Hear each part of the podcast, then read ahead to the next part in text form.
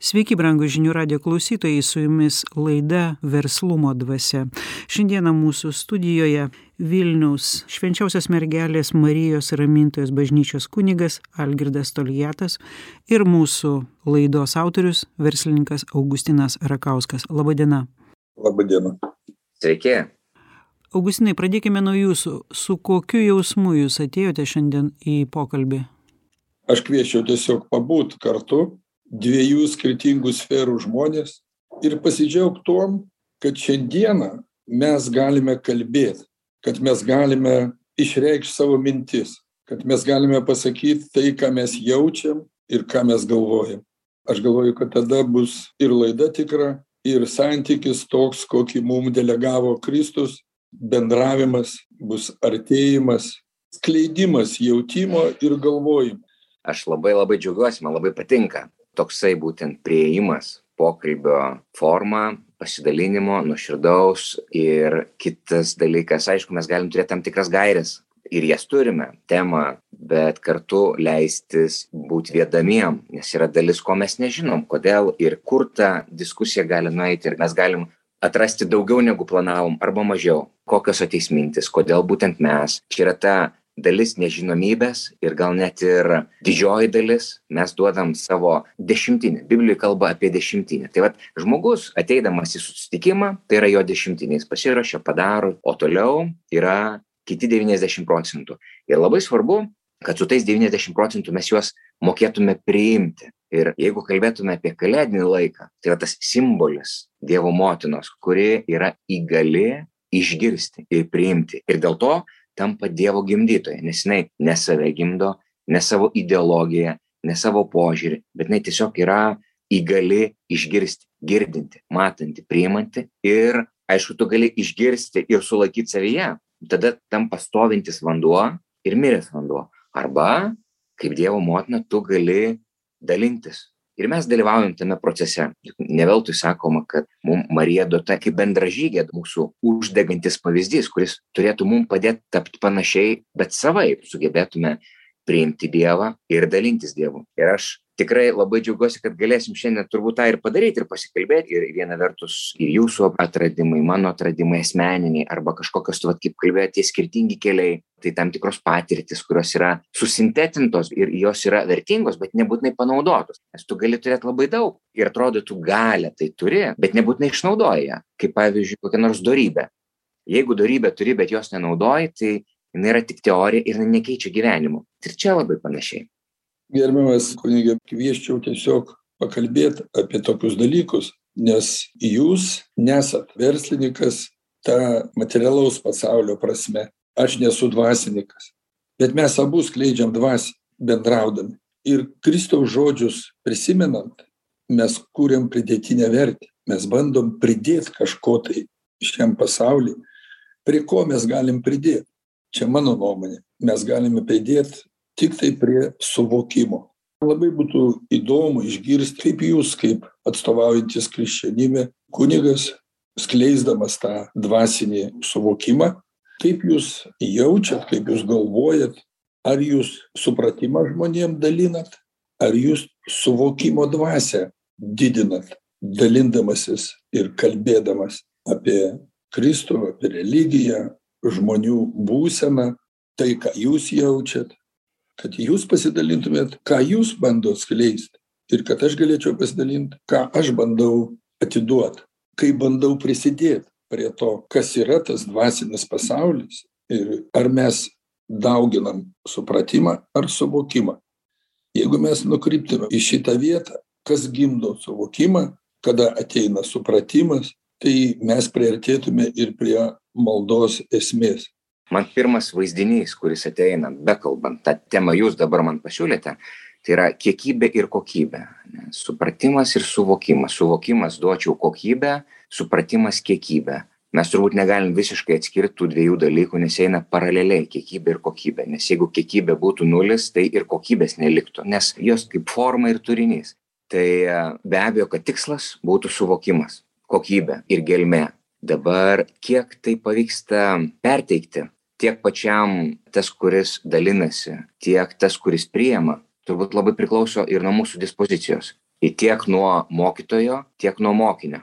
Aišku ir mokinys ir mokytojas mes esam abiejuose vaidmenyse nes mes ir mokom kiekvienas ne tiktai dvasininkai kiekvienas savo gyvenimu kiekvienas tėvas kiekvienas darbuotojas kiekvienas žmogus yra kartu ir mokytojas ir mokinys. Jeigu mes esame orientuoti į tai ir suvokiam kad yra tam tikros teorinės žinios va tas supratimas kaip sakot ar ne tam tikros patirtys susintetintos kurios irgi yra reikalingos ir svarbios.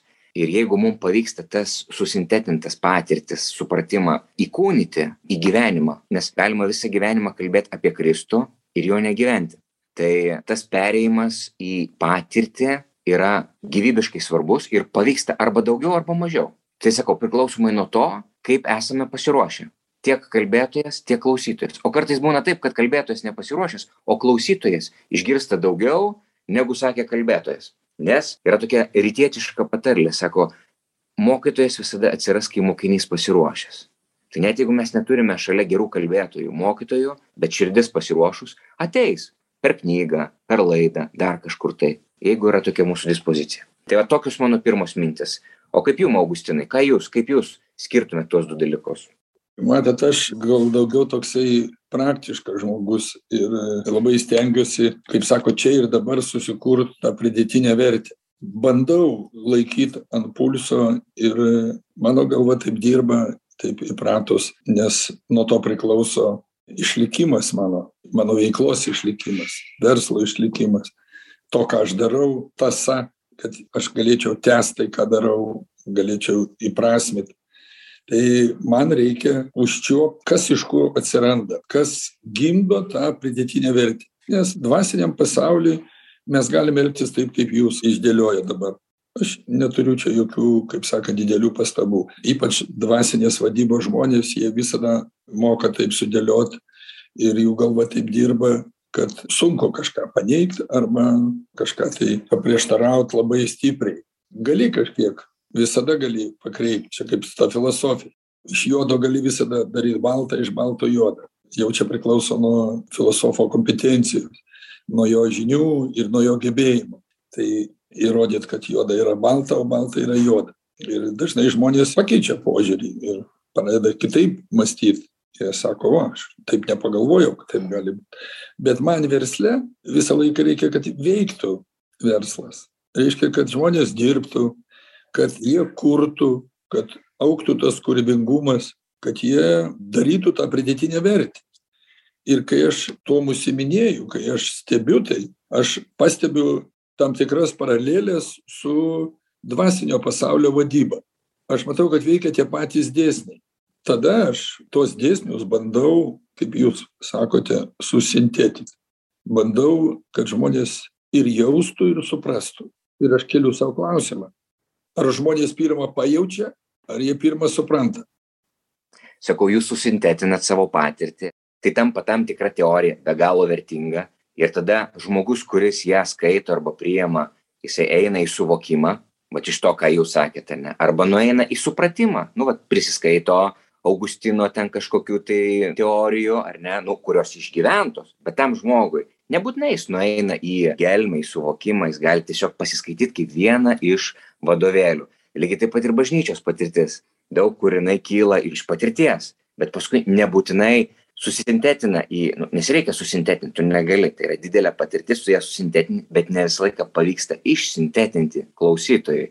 Ir va čia yra didelis iššūkis. O man patiko jūsų palyginimas vat verslo ar ne aš taip galvoju aš dabar kaip bažnyčios žmogus kalbu man tai lygiai taip pat man neįdomi teorija man tikslas yra pridėtinė vertė lygiai taip pat man svarbu praktika man tai yra dievo patirtis svarbiausia. Bet dabar klausimas čia kaip ir su verslais yra verslai kurie yra orientuoti į tą rezultatą ir iš tikrųjų taip ir daro ir eina o yra verslai kurie sukasi aplinkui nu ir nesukuria to arba gamina tai ko ir nebereikia arba tiesiog buksuoja. Lygiai taip pat ir bažnyčios.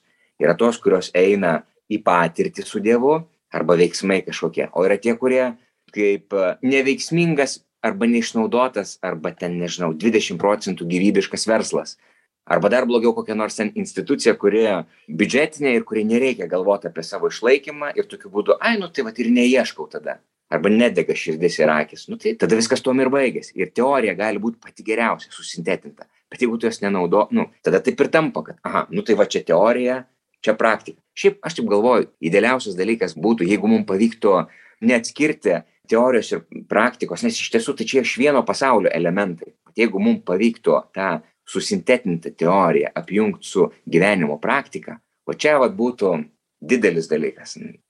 Bet e, niekas negimsta iš karto. Jeigu mes nesintetintume to ką mes pajaučiam ir nebūtų žmonių arba verslų arba kažkokių dvasinių konfesijų kurios skleidžia savo tiesas tai ir negimtų naujos tiesos. Ir neatsirastų verslininkai su savo verslais kurie yra sėkmingi ir kurie gali pademonstruot tą sėkmę. Bet kad ją pademonstruot ir išvis kad jinai būtų traktuojama kaip sėkmė tai žmonės paprastai lygina jie labai gerai mokosi kada jie mato. Kada jie mato nesėkmingą variantą ir mato sėkmingą variantą. Tada jie gali analizuot ir tam analizavime ir slypi tas tobulėjimas ir tas žinojimo arba suvokimo atėjimas. Tik man netinka jūsų pasakymas kai jūs sakot jausmas ir suvokimas ir supratimas eina paraleliai mano nuomone iš mano praktikos ir iš analizavimo tai galbūt klystu bet aš bendraudamas su žmonėmis ir stebėdamas atsekiau tokį procesą kad pas žmones neateina supratimas jeigu jie nepajaučia suvokimo. Mano nuomone suprast suvokimą yra labai sudėtinga. Čia jau reikia labai būt įsigilinusiam į tą dvasinį pasaulį kad tu iš karto paraleliai naudotum supratimą ir su savo esamu supratimu suprastum ką tu suvoki kokia sąvoka tau ateina. Paprastai žmonės arba jie gyvena supratime ir naudojasi tuo supratimu ką mes vadinam stereotipinis supratimas turi tokį stereotipinį supratimą ir pagal jį jie gyvena. Pagal jį jie dirba kažkokią religiją išpažįsta nes jie gavę tokį supratimą kaip jūs sakot ar knygose ar kur nors ir jie čia ir sustoja kaip voverė rate. Daugiau nededa pastangų nes tai jiem tinka jie pagal savo dabartinį išsivystymo lygį juos tai tenkina ir jie dirba gyvena užsidirba maitinasi kalba apie tą religiją kurią pasirinko ją praktikuoja ir jie galvoja kad čia savaime viskas išaugs ir pasikeis ir priartėsiu aš prie dievo arba uždirbsiu milijonus. Jeigu aš siekiu uždirbt tai reiškia su dievo pagalba uždirbsiu nes aš tikiu į dievą aš praktikuoju religiją aš einu aukoju. Tai viskas lyg ir gerai viską gerai darau bet ne visada gaunasi gerai. Ne visada progresuoja tas žmogus o gyvenimas labai greitai eina į priekį labai viskas greit keičiasi. Mes ir sustojam kaip užšąlam kaip lede toj savo būsenoj tam supratime. Ir galvojam tada žiūrim į tuos žmones ir sakom jie kažkaip sustojo. Toliau netobulėja toliau nesiekia. Tai žmogus sako aš galvoju. Bet kada tu matai kad žmogus galvoja pagal tą savo supratimą ir tą žinojimą tai aš žiūrėdamas iš šono į žmogų tą galimybę turėjau kaip jūs savo parapijiečių turit tai aš savo darbuotojų daug turiu. Kada jie daro vieną ar kitą veiklą vykdo ar vienas ar kitas užduotis aš žiūriu o kaip keičiasi jų suvokimas apie tai ką jie daro. Ar jie plečia savo supratimo ribas ar jie neplečia savo supratimo ribų o tik daro. Ir jeigu aš matau kad jie tik daro neplečia savo supratimo ribų aš pradedu blogai jaustis nes aš jaučiuosi tarsi tas žmogus kuris uždarė juos į tą voverės ratą ir jie jame sukasi. Ir aš žinau kad tai yra kelias kuris veda niekur. Jisai sukasi vietoj ratu. Augustinai vieną klausimą jum turiu. O jūs pavyzdžiui kiekvieną kartą galit padėti tokiam žmogui? Aš tada stengiuosi kažkaip tai išvesti iš to uždaro rato tą žmogų. Ir tada atsiranda tie aprašymai samprotavimai analizavimai kuriuos kažkas gali paskaityt aš tada ieškau būdo kaip tuos žmones išvest iš to uždaro rato kad jie ne tiktai gyventų dėl to kad užsidirbt pavalgyt ir nueit į savo konfesijos bažnyčią ir vėl atgal grįžt į darbą. Dedant tas pastangas tu nori nenori priverstas analizuot ir žiūrėt ar keičiasi kas nors ar nesikeičia. Ar tas žmogus plečia kas plečia ar tai apie ką kalbi jo suvokimo ribas išplečia ir tada ateina platesnis ir gilesnis supratimas ir tada žmogus keičiasi. Jis pradeda keist kažką požiūrį keist pradeda kitaip galvot kitaip kalbėt plačiau suvokt. Toks mano pastebėjimas per kurį aš atkreipiu dėmesį į tai apie ką mes šiandien kalbam. Girdžiu jus augustinai. Mano tikslas lygiai taip pat ir pačiam eiti tuo dvasiniu keliu ir kitiem žmonėm kad tai nebūtų vien tiktai teorija ar ten teorinė kažkoks prisilietimas kuris nekeičia gyvenimo. Bet čia labai daug priklauso ir nuo žmogaus nes vieni žmonės kurie ateina ir nori ir ieško gelmės kiti ne. Mano tikslas yra išprovokuot norą tuose žmonėse ieškot. Kartais tai pavyksta kartais nepavyksta. Tai aš nežinau kaip jums gal jum pavyksta pagelbėt nueit į gelmę nes arba vėlgi darbuotojas jeigu jūsų darbuotojas vienas neina vat užstrigęs galbūt kai kuriam galite pagelbėt nes mokat atlyginimą nemokat atlyginimą dėl to prieinat ir sakot kaip vadovas dabar žiūrėk arba tu darai taip ir taip arba tu tiesiog pasiieškok kito darbo o gal ir neturi tokios galimybės. Čia jau prievarta. Čia jau būtų prievarta jo bet aš tiktai kalbu apie patį įrankį. Arba tu tą įrankį ir turi žmogui išprovokuot jame pokytį pagarbiai arba įrankių neturi ir gali va tik ateit ir pasakyti aš matau kad tu buksuoji aš manau kad tu sukiesi apie savo ašį. Bet jis gali tau pasakyt o man gerai ko tu lendi į mano gyvenimą man taip patogu aš taip radau ir taip paliksiu. Ir ką tu tada gali padaryt? Aš su tuo ir susiduriu ką jūs pasakėt. Ir dažnai susiduriu su tuo. Ypač kada aš pradedu kalbėti versle apie dvasinius dalykus. Žinot kalbėt apie dvasinius dalykus bažnyčioj kada ateina žmonės būtent ieškodami dvasinių dalykų ir norėdami juos pajaust. Augustinai kai kai ateina? Nes daugybė žmonių ateina ne dėl to ateina iš tradicijos ateina to ir ateina to. Ir vat jeigu žmogus ateina iš tradicijos arba dar dėl kažko dėl to kad jam ten reikia kažką susitvarkyti ir tu jam pradedi kalbėt apie dvasinius dalykus tai aš manau kad tas žmogus reaguoja kaip jūsų darbuotojas kai jūs pradedat kalbėt apie dvasinius dalykus. Ko tu prie manęs lendi? Aš tuom noriu ir pasidalint tuo panašumu ką mes darom dirbdami tą dvasinės vadybos darbą. Tik aš noriu pabrėžt kad jūs esat kunigas yra daug kunigų daug yra dvasinės vadybos mokytojų ir to niekas nestebina. Bet kada aš darau tai versle ir kada aš pradedu kalbėt apie dvasinius dalykus tuo metu kada žmonės kalba apie uždarbius apie pelną ir man čia būna labai sudėtinga išlaviruot ir kažkaip tai padėt tam žmogui susivokt to dvasinio pasaulio dėsniuose kaip jie veikia ir kur jie nuves jį jeigu jis tiktai galvos apie pinigus aš jiem sakau žinot sakau aš uždirbinėju pinigus bet aš apie pinigus niekad negalvoju. Jūs netikit galvojat kad aš skaičiuoju galvoju. Sakau ne aš neskaičiuoju ir negalvoju. Aš tik galvoju apie dvasią aš visą laiką galvoju kaip sukurt dvasią kuri kurtų pridėtinę vertę mano versle.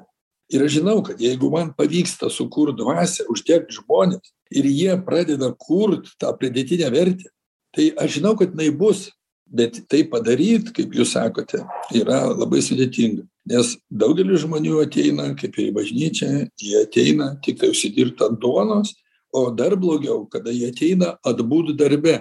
Jie ateina ir jie žiūri į laikrodį. Bet kada bandau perteikt kad jie viską savo rankose turi jie kuria tą pridėtinę vertę.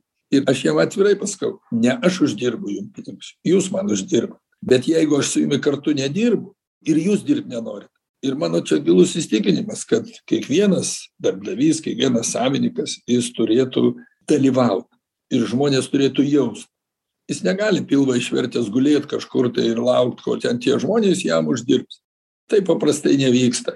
Tai žmonės yra tokie sutvėrimai kad jeigu jiem nereikia dirbt arba jie gali nedirbt tai jie ir nedirba ir politikai mūsų tą puikiai suvokia. Jie dengiasi rūpesčiu žmonėmis duoda jiem tas bedarbių pašalpas ir gali tas žmogus tada nesirūpint savimi. Jis degraduoja jis praranda kūrybingumo tą dievo vaiko jausmą kad jis gali kurt kad jis gali išmokt kurt.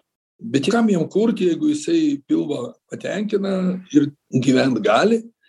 Ir kitas džiaugiasi vien todėl kad jisai gyvena. Aš gyvenu viskas gerai kaip jūs va tą vietą palietėte kad į bažnyčią ateina irgi visokie žmonės kaip ir į darbą ateina visokie žmonės. Va čia ir prasideda tas sunkumas man kaip verslininkui tos baltos varnos kada sako ten kažkokius savo išvedžiojimus kalba augustinas ten kažką tai rašo tas verslininkas. Tai žinot iš čia ir atsiranda ir maldos ir knygos nes tu suki galvą kaip tam žmogui išprovokuot tą ką jūs pasakėt. Ir aš ne tam knygas rašau kad jie pagal jas gyventų. Arba kad jie jomis kaip kokiomis nors doktrinomis naudotųsi ir žiūrėtų kaip į kokį stabą ir sakytų o čia taip parašyta tai čia jau bus taip. Aš labai daug įdedu pastangų mano komandos žmonės žino kad knyga nevirstų stabu nes jos nėra tokia paskirtis. Mano rašymai mano kalbos turi vieną paskirtį išprovokuot žmoguje kūrybingumą smalsumą domėjimąsi. Aš giliai įsitikinęs kad mes jokiose konfesijose dalyvaujantys jokiose filosofijose jokiuose versluose dirbdami mes neturime siekti kai sako sukišt savo rankas nes jos labai grubios į žmogaus galvą ir daryt ten korekcijas. Mes negalime to daryt nes mes darom labai didelį nusižengimą jeigu mes į tai įsijaučiam. Nes žmonės yra laisvi jie yra dievo kūno dalys jie yra tos molekulės kurios sudaro tą didįjį dievo kūną. Ir jie yra laisvi rinktis ir jie turi tą laisvę išlaikyt kuria mes šiandieną su jumi kalbėdami ir naudojamės. Mes šnekam dalinamės mes jaučiam o žmonės kaip jūs sakote kurie nori jie pajaučia išgirsta jie kažką suvokia jie pradeda kažką suprast bet tai ne mes jų supratimą formuojam. Gerbiami pašnekovai turime sustoti kadangi pirmos dalies laikas jau baigėsi. Ir gerbiami klausytojai laukiame jūsų antroje verslumo dvasios laidos dalyje gerbiami klausytojai mes antroje verslumo dvasios laidos dalyje šiandieną pas mus svečiuose kunigas algirdas toliatas ir laidos autorius verslininkas augustinas rakauskas. Augustinai pirmą dalį jūs pabaigėte mintimi apie tai kad žmogus yra laisvas ir kad tas kuris teikia jam žinias informaciją neturi teisės formuoti jo supratimo. Prašau pratęskite šitą mintį. Mes jiem turim duot tik informaciją tiktai papildomas žinias dalindamiesi savo patirtimi mes jam duodame tai ką mes žinome. Jie būtent jausmo ir savo supratimo pagalba įgauna naują suvokimą. Todėl aš sakau kad po jautimo ir supratimo ateina suvokimas. Bet tą jautimą ir supratimą formuojasi patys tie žmonės jeigu jiem pribrendo reikalas ir jų viduj netelpa tai tai jis ir gauna tą suvokimą ką jūs pradžioj kalbos pasakėte. Tada jis ir eina klauso kažko tai jis skaito kažką tai jį pradeda dominti tai ką kažkas kalba. Jam įdomu ką šneka ir kodėl taip šneka. Ir tada ateina kažkoks tai naujas suvokimas kuris papildo jo supratimą. Mano nuomone yra toks eiliškumas mes negalime perkelti iš gyvenimo į gyvenimą iš sielos į sielą iš praeities į dabartį arba nukelt į ateitį. Mes šitam materialiam pasauly surašytus dalykus atrastus dalykus mes galime į rytdieną perkelt. Bet suvokimo jausmą mes negalime perkelt. Jį žmogus gali tik išsinešti jausdamas jeigu jisai pajaučia tai jisai ir išsineša. Už tai yra mano nuomone pats brangiausias dalykas tai yra tai ką mes žmonių jausmuose apgyvendinam. Ką jie patys darydami išvadas savyje sutalpina ir sako taip aš suvokiau aš pajutau kad aš supratau kažką tai naujo. Kažkas manyje pasipildė atsivėrė. Tai tą jausmą žmogus gali išsinešti ir už tai mano nuomone kristaus žodžiai pasakyti kaupkite amžinus turtus. Tai čia ir yra tie dalykai kuriuos mes savo sielos būsenoje išsinešam. Mes tą tikėjimo jausmą suvokimo jausmą galime išsinešt o supratimas lieka čia šitam materialiam pasauly kuris perduodamas iš kartos į kartą jeigu žmonės juo dalinasi ir perduoda vieni kitiem man patiko jūsų vat pasidalinimas augustinai apie tai kaip jūs kaip balta varna kuri ieško nu vat vis vien esate dvasingas žmogus ir neabejingas. Ir jum rūpi asmeninis ieškojimas ir kitų žmonių gyvenimas. Negali tiesiog abejingai žiūrėt kaip į kažkokią tai daiktą žmogų.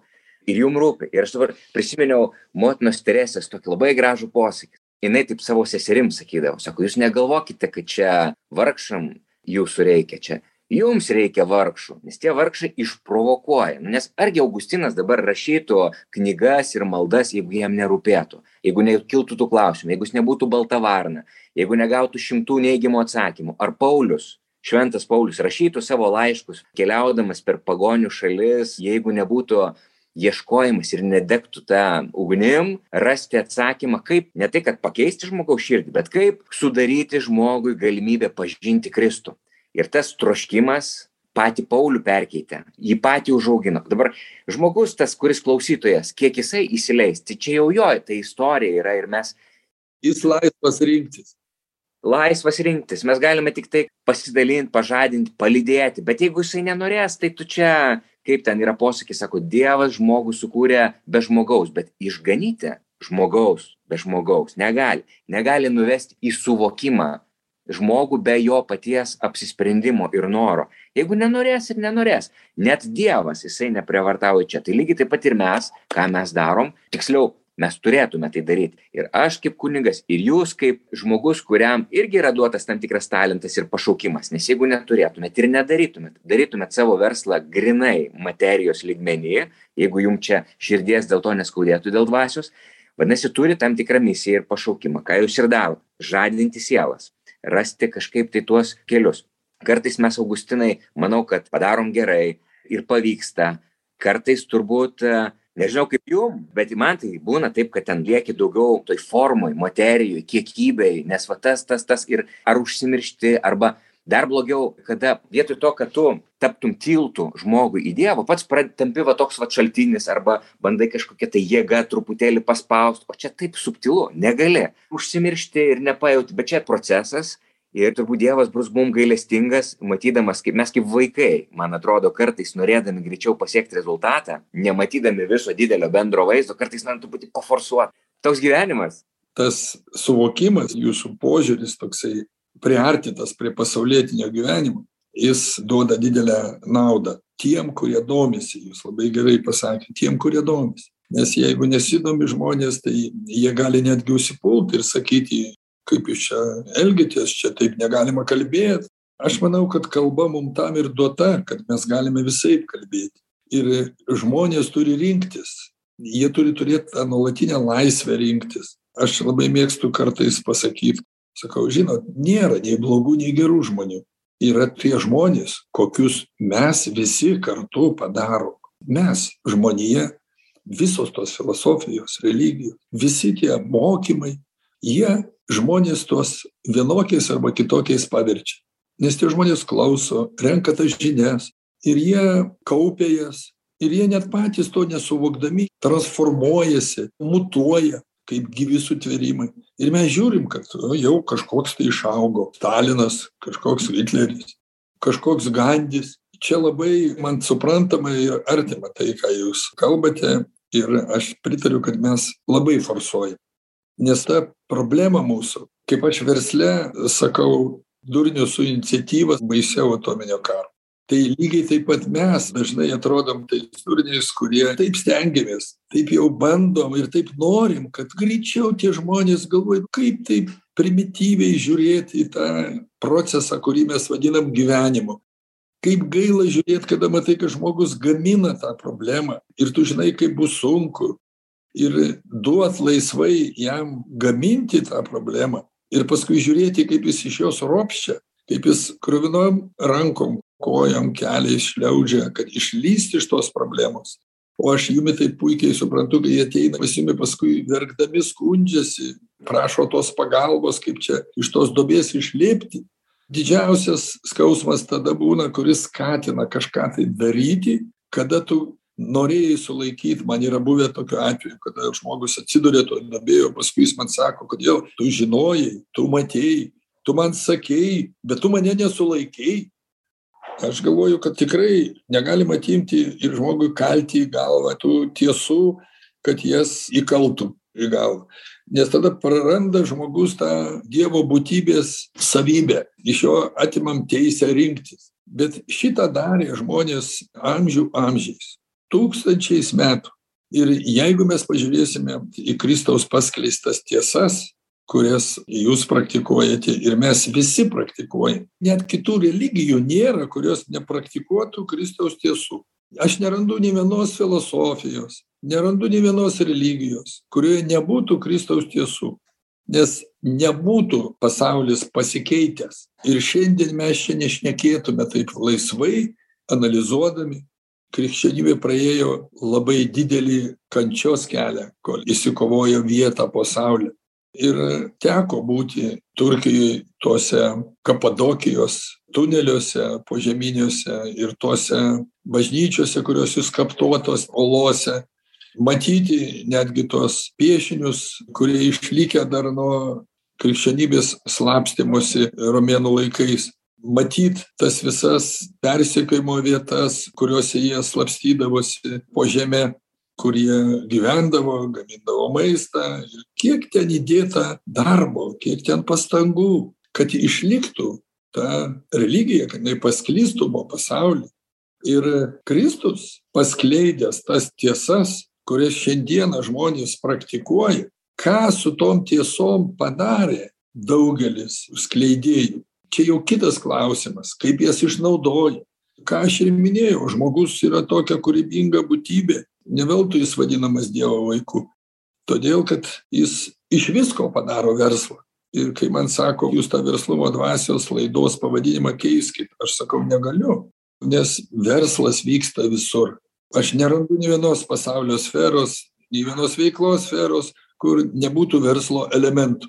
Kitas klausimas kam tarnauja žmogus? Ar tam verslo elementui kuris dalyvauja bet kokioj veikloj? Ar jis esmei to apie ką ta sritis kalba ką jinai skleidžia.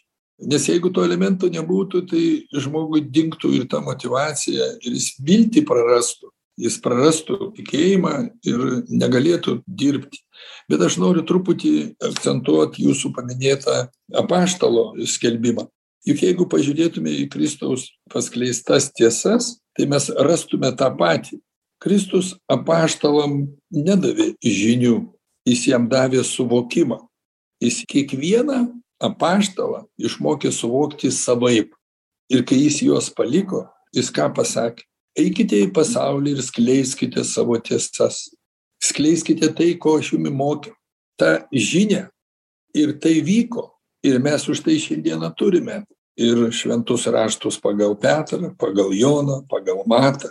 Už tai kad visi jie skleidė savo suvokimo lygį taip kaip jie suprato kristaus žodžius. Todėl aš manau kad tai ką mes darom atskirai mes darom taip kaip kiekvienas suprantam ir čia mes susiduriam su savo vidine sielos dvasios konstitucija. Kokią mes tą konstituciją kiekvienas savyje turime susiformavę užsiauginę tai pagal tą savo vertybinę konstituciją mes ir prioritetus suskirstom mes ir skleidžiam tai ką mes suvokiam kas yra mum jau kaip supratimas ir mes dalinamės tuo savo supratimu. Ir mes čia nieko naujo nepadarėm mes čia nieko naujo neatradom. Mes tiesiog toliau tęsiam tą kristaus tiesų transliavimą.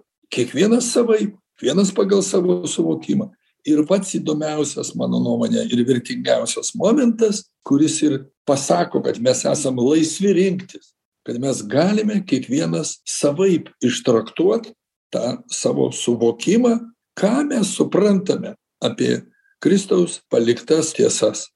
Tai aš tikrai džiaugiuosi kad galim laisvai apie tai šnekėt kad mūsų nedegina ant laužo kad mūsų nekala prie kryžiaus kad mūsų neuždaro į gulagą kad mes čia kažką tai kalbam prieš valdžią tuom reikia džiaugtis. Tą reikia vertint tai yra ta laisvė kurios iš mūsų niekas negali atimt. Jinai tiktai būna kad pasislepia mumyse šiuo metu jinai laisva reikštis ir mes galime šiandieną išreikšt save. Galime kalbėt eteryje. Galime kurtis į bendruomenes reiškia mes galime eksploatuot žodį kuris yra pirmas veiksmas nes pirmiausia žodis. Bet tai yra veiksmas. Kodėl jisai veiksmas? Todėl kad jį girdi kiti. Atsiprašau kad įsijaučiau kaip visada per daug. Augustinai man tas jausmas iš tikrųjų yra labai pažįstamas nes labai matau save tame atpažįstu. Yra daug dalykų kur man irgi labai svarbu labai dega. Ir tada pamokslo įkvėptas tai reikia būtinai pasakyti. Ir dar tai ir šito negaliu praleisti. O šitą būtinai būtinai būtinai. Ir atrodo nors ir švelniai ir neforsuodamas bet taip žiūriu o jau pusę valandos.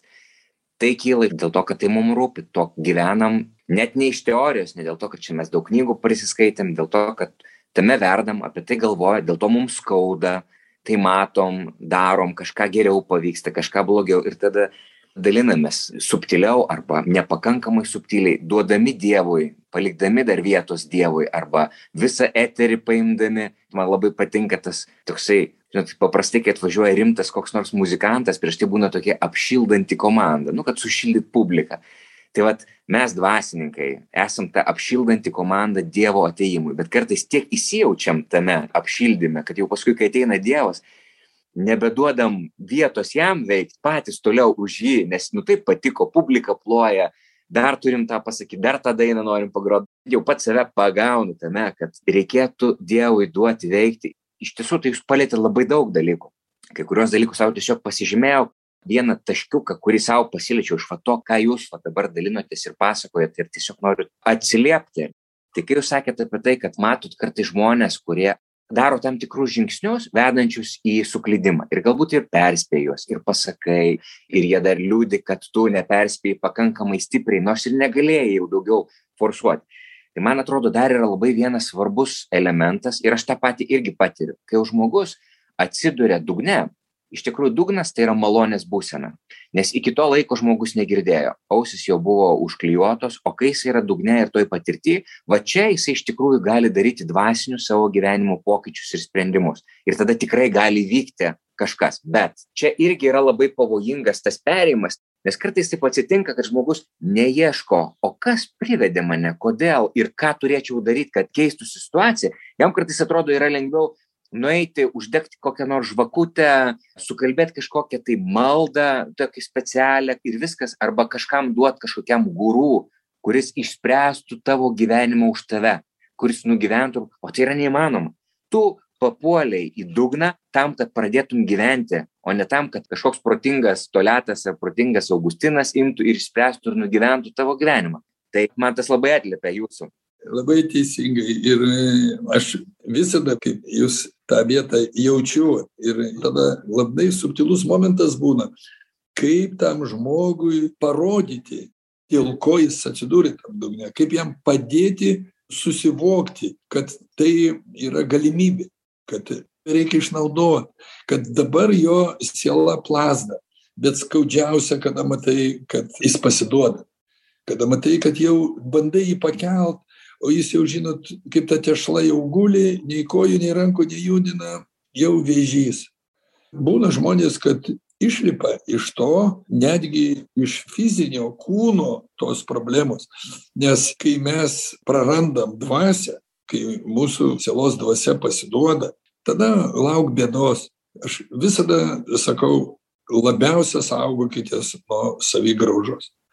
Kai jūs pradedat griaužt save jūs jau naikinat ne tik sielos dvasią jūs naikinat fizinį kūną. Jau tada organika byra nes kiekviena molekulė atsiliepia kiekviena ląstelė mūsų girdi. Ir kai mes pradedam jau save plakt save griaužt ką lietuviai labai mėgsta ir moka. O kadangi jie labai prisirišę prie savo artimų prie savo vaikų ir kai patiria kažkokias netektis kada palieka vyras žmoną žmona vyrą kada vaikai išduoda tėvus tėvai išduoda vaikus ir jie labai žiauriai pergyvena. Ir kada tas pergyvenimą matai ir aš pats tuos dalykus ant savo kailio patyręs ir visada bandau pagaut save laiku sugriebt nes jaučiu kad jau skęstu kad jau grimztu ir iš karto gaunu signalus kad reaguoja fiziologija reaguoja kūnas tai aš visiem tikrai labai patarčiau negyvenkite nei vien praeity nugrimzdę nesidžiaukite vien tik dabartim ir ne lėbaukit ne šokit ir dainuokit vien džiaugdamiesi šia akimirka ir negyvenkite vien tik svajonėse vien tik ateity o ir stenkitės nes protu to padaryt negalima bet jausmu galima jaust vienu metu ir praeitį ir dabartį ir ateitį. Jausmą ugdykim kuris neapleidžia mūsų galvoj patirties nenurašo tada mes nekartojam ir nedarom klaidų nes mes užfiksavę galvoj. Bet mes negyvenam toj kančioj. Mes tiesiog esam gyvi ir mes jaučiam kas buvo kas dabar yra ir mes maketuojam kuriam savo ateitį ne ant vien tos blogos patirties bet jinai mum tarnauja kaip priemonė kad mes ateity klaidų nepadarytume. Tai mes savo istorijos pamiršt negalim bet mes neturim galvot vien apie ją ir gyvent tose netektyse. Mes turime išsaugot savo jausmuose ir turime iš to kaip aš sakau padaryt verslą padaryt pridėtinę vertę. Ir gyvent turim visą laiką žiūrėdami į ateitį optimistiškai ir galvot mūsų rankose viskas. Mes galime sukurt geresnę tą rytdieną ne tik sau bet ir dar savo vaikam ir vaikų vaikam. Kadangi augustinas tokį gražų palinkėjimą ir aš irgi norėčiau pabaigos palinkėjimą ir įkvėptas tiesą pasakius augustino tą paliestą savęs graužimas kuris yra tokia autoimuninė liga sugriaunanti ne tik sielą bet ir kūną ir tas pasakymas ane verslumo dvasios pritariu puiki laida ir puikus pavadinimas. Ir grįžtant prie tų pačių terminų tegul mūsų klaidos būna tokia klaidų buhalterija tegu padeda mums užčiuopti ten kur yra praradimai. Ne tam kad save graužti bet tam kad įvertinti kur yra silpnos vietos jas sustiprinti bet neraudot prie suskilusios geldos koks aš čia vargšas kaip ten tą kaip padariau. Net jeigu iš tikrųjų ir padarei nelikt prie geldos bet eiti į priekį. Pasimokyti priimti ir tada imti net ir problemas kaip galimybes labai dažnai suskilusi gelda yra pats nuostabiausias atsispyrimas versti naują puslapį nes va čia esame pilni pokyčio energijos. Tai ir norėčiau palinkėt adventui nes adventas juk savo ta prasme. Tai yra dievo gimimo laikas mūsų gyvenimuose. Bet va čia ir yra tai. Mūsų gyvenimai tai yra kristaus prakartėlės. Ten ateina. Ir kai mes esam ir suskilusi gelda tai yra ten kur labiausiai gims tas kristus. Nebūtinai gruodį jis gali gimt liepą bet tuomet kada mes esam pasiruošę. Bet tas advento laikas mums yra duotas kaip pasiruošimui susimąstymui toksai kaip yra peržiūra perkrovimas permąstymas metų pabaiga. Darom buhalterinius ten tuos visus balansus pasižiūrim kas pavyko nepavyko kaip toliau ir ten tą. Tai vat adventas tai yra tai pasvert kas buvo negerai ką reikėtų pagerint kaip reikėtų padėliot su tikslu atsispirti ir gyventi ir eiti į priekį ir būti tuo gyvuoju vandeniu. Pačiam gyventi ir su kitais dalintis nes negalima. Jeigu būsime užsidarę vien tiktai savyje sustosime būsime kaip tas stovintis vanduo net jeigu tarkim kažkur čia mūsų nuomonė su augustinu išsiskiria bet būtent tame ir yra gyvybė kad mes vienas kitą papildom vienas kitą sustabdom vienas kitą uždegam vienas kitą išprovokuojam dar gilesniam paieškojimui. Ir va čia yra gyven va čia yra malonė.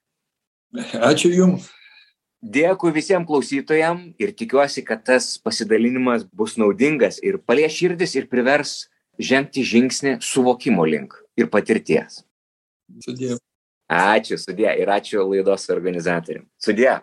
Dėkui mūsų pašnekovams, priminsiu, kad laidoje dalyvavo Vilniaus švenčiausios mergelės Marijos Ramintojos bažnyčios kunigas Algirdas Toljatas ir laidos autorius verslininkas Augustinas Rakauskas. Gerbimi klausytojai, ačiū Jums ir sudė.